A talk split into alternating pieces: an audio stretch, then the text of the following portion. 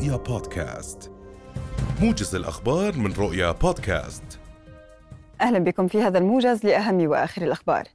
استمرارا لتنفيذ التوجيهات الملكية السامية أرسلت القوات المسلحة الأردنية طائرة مساعدات طبية إلى قطاع غزة بالتنسيق مع الهيئة الخيرية الأردنية الهاشمية. وتحمل الطائرة على متنها 45 طنا من الأدوية والمستلزمات الطبية لتقديم يد العون والمساندة للأهل في قطاع غزة وتخفيفا عنهم جراء ما يتعرضون له من ظروف صعبة نتيجة استمرار الحرب المستعرة على القطاع. أفادت قناة مكان العبرية بأن تل أبيب اقترحت على الدوحة ترحيل قيادات حركة المقاومة الإسلامية حماس من قطاع غزة كجزء من صفقة تبادل الأسرى. وأضافت القناة أن قطر استبعدت موافقة قادة حماس على المقترح.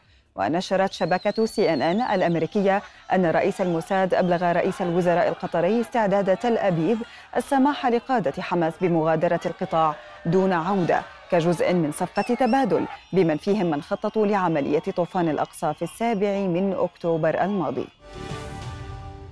أفاد موقع أكسيوس الإخباري الأمريكي نقلا عن مسؤولين في كيان الاحتلال الإسرائيلي بأن تل أبيب قدمت مقترحا بوقف القتال لمدة شهرين في غزة لإطلاق سراح جميع المحتجزين.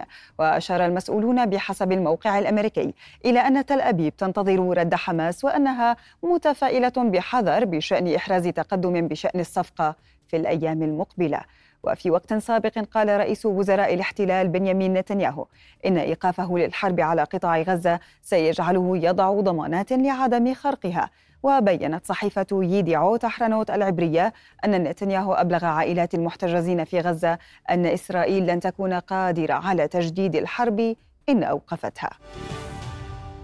أعلن جيش الاحتلال الإسرائيلي مقتل 24 ضابطا وجنديا في وسط قطاع غزة بينهم قائد كتيبة.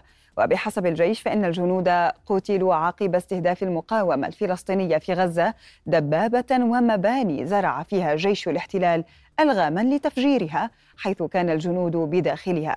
وبذلك يرتفع عدد قتلى جيش الاحتلال الإسرائيلي المعترف بهم إلى 559 منذ السابع من أكتوبر الماضي. اقتحمت قوات الاحتلال الإسرائيلي فجر اليوم شرقي مدينة نابلس شمالية الضفة الغربية ونشرت قناصة على أسطح عدد من المباني. كما نفذ جيش الاحتلال عدة اقتحامات في مدن قلقيلية وطول كرم وجنين وحاصرت عددا من أحيائها. واندلعت مواجهات بين مقاومين وقوات الاحتلال. أطلقت خلالها الرصاص الحي وقنابل الصوت والغاز على شبان فلسطينيين. ما أسفر عن استشهاد طفل في بلدة عرابة جنوب جنين وإصابة عشرات الفلسطينيين بجروح مختلفة. وتأتي هذه الاقتحامات في سياق التصعيد المتواصل لجيش الاحتلال في الضفة بالتوازي مع استمرار عدوانه على قطاع غزة. يناقش مجلس الأمن الدولي اليوم الأوضاع في فلسطين خلال جلسته الشهرية المفتوحة على المستوى الوزاري. ومن المنتظر أن يقدم الأمين العام للأمم المتحدة أنطونيو غوتيريش إحاطة لأعضاء المجلس بشأن الوضع في الشرق الأوسط بشكل عام وتطورات الأوضاع في فلسطين وغزة خاصة خلال الجلسة التي يترأسها وزير الخارجية الفرنسي. ومن المقرر أن يشارك وزراء خارجية بعض الدول الكبرى في الجلسة ومن بينها الاتحاد الروسي. قال مسؤول عسكري في جماعة أنصار الله الحوثي إن قوات أمريكية وبريطانية وقوات حليفة أخرى شنت ضربات على مواقع تابعة للحوثيين في اليمن. وقال المسؤول الحوثي إن الضربات استهدفت منصات الصواريخ والمسيرات ومخازن أسلحة. وأشار إلى أن القصف استهدف قاعدة الديلمي الجوية شمال صنعاء ومناطق جنوب العاصمة. كما ذكر بيان للولايات المتحدة وبريطانيا وأستراليا وكندا وهولندا والبحرين أنه تم استهداف مواقع مراقبة وصواريخ للحوثيين في ثمان ضربات جوية مشيرا إلى استهداف مخازن تحت الأرض.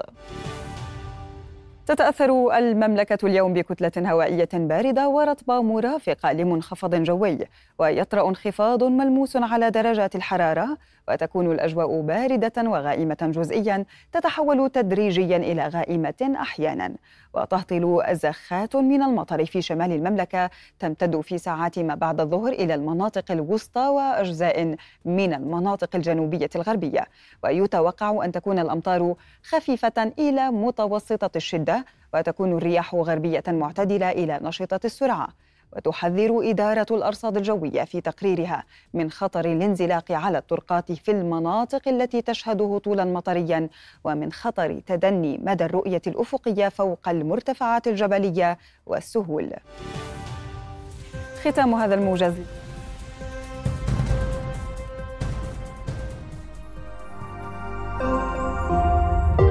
رؤيا بودكاست.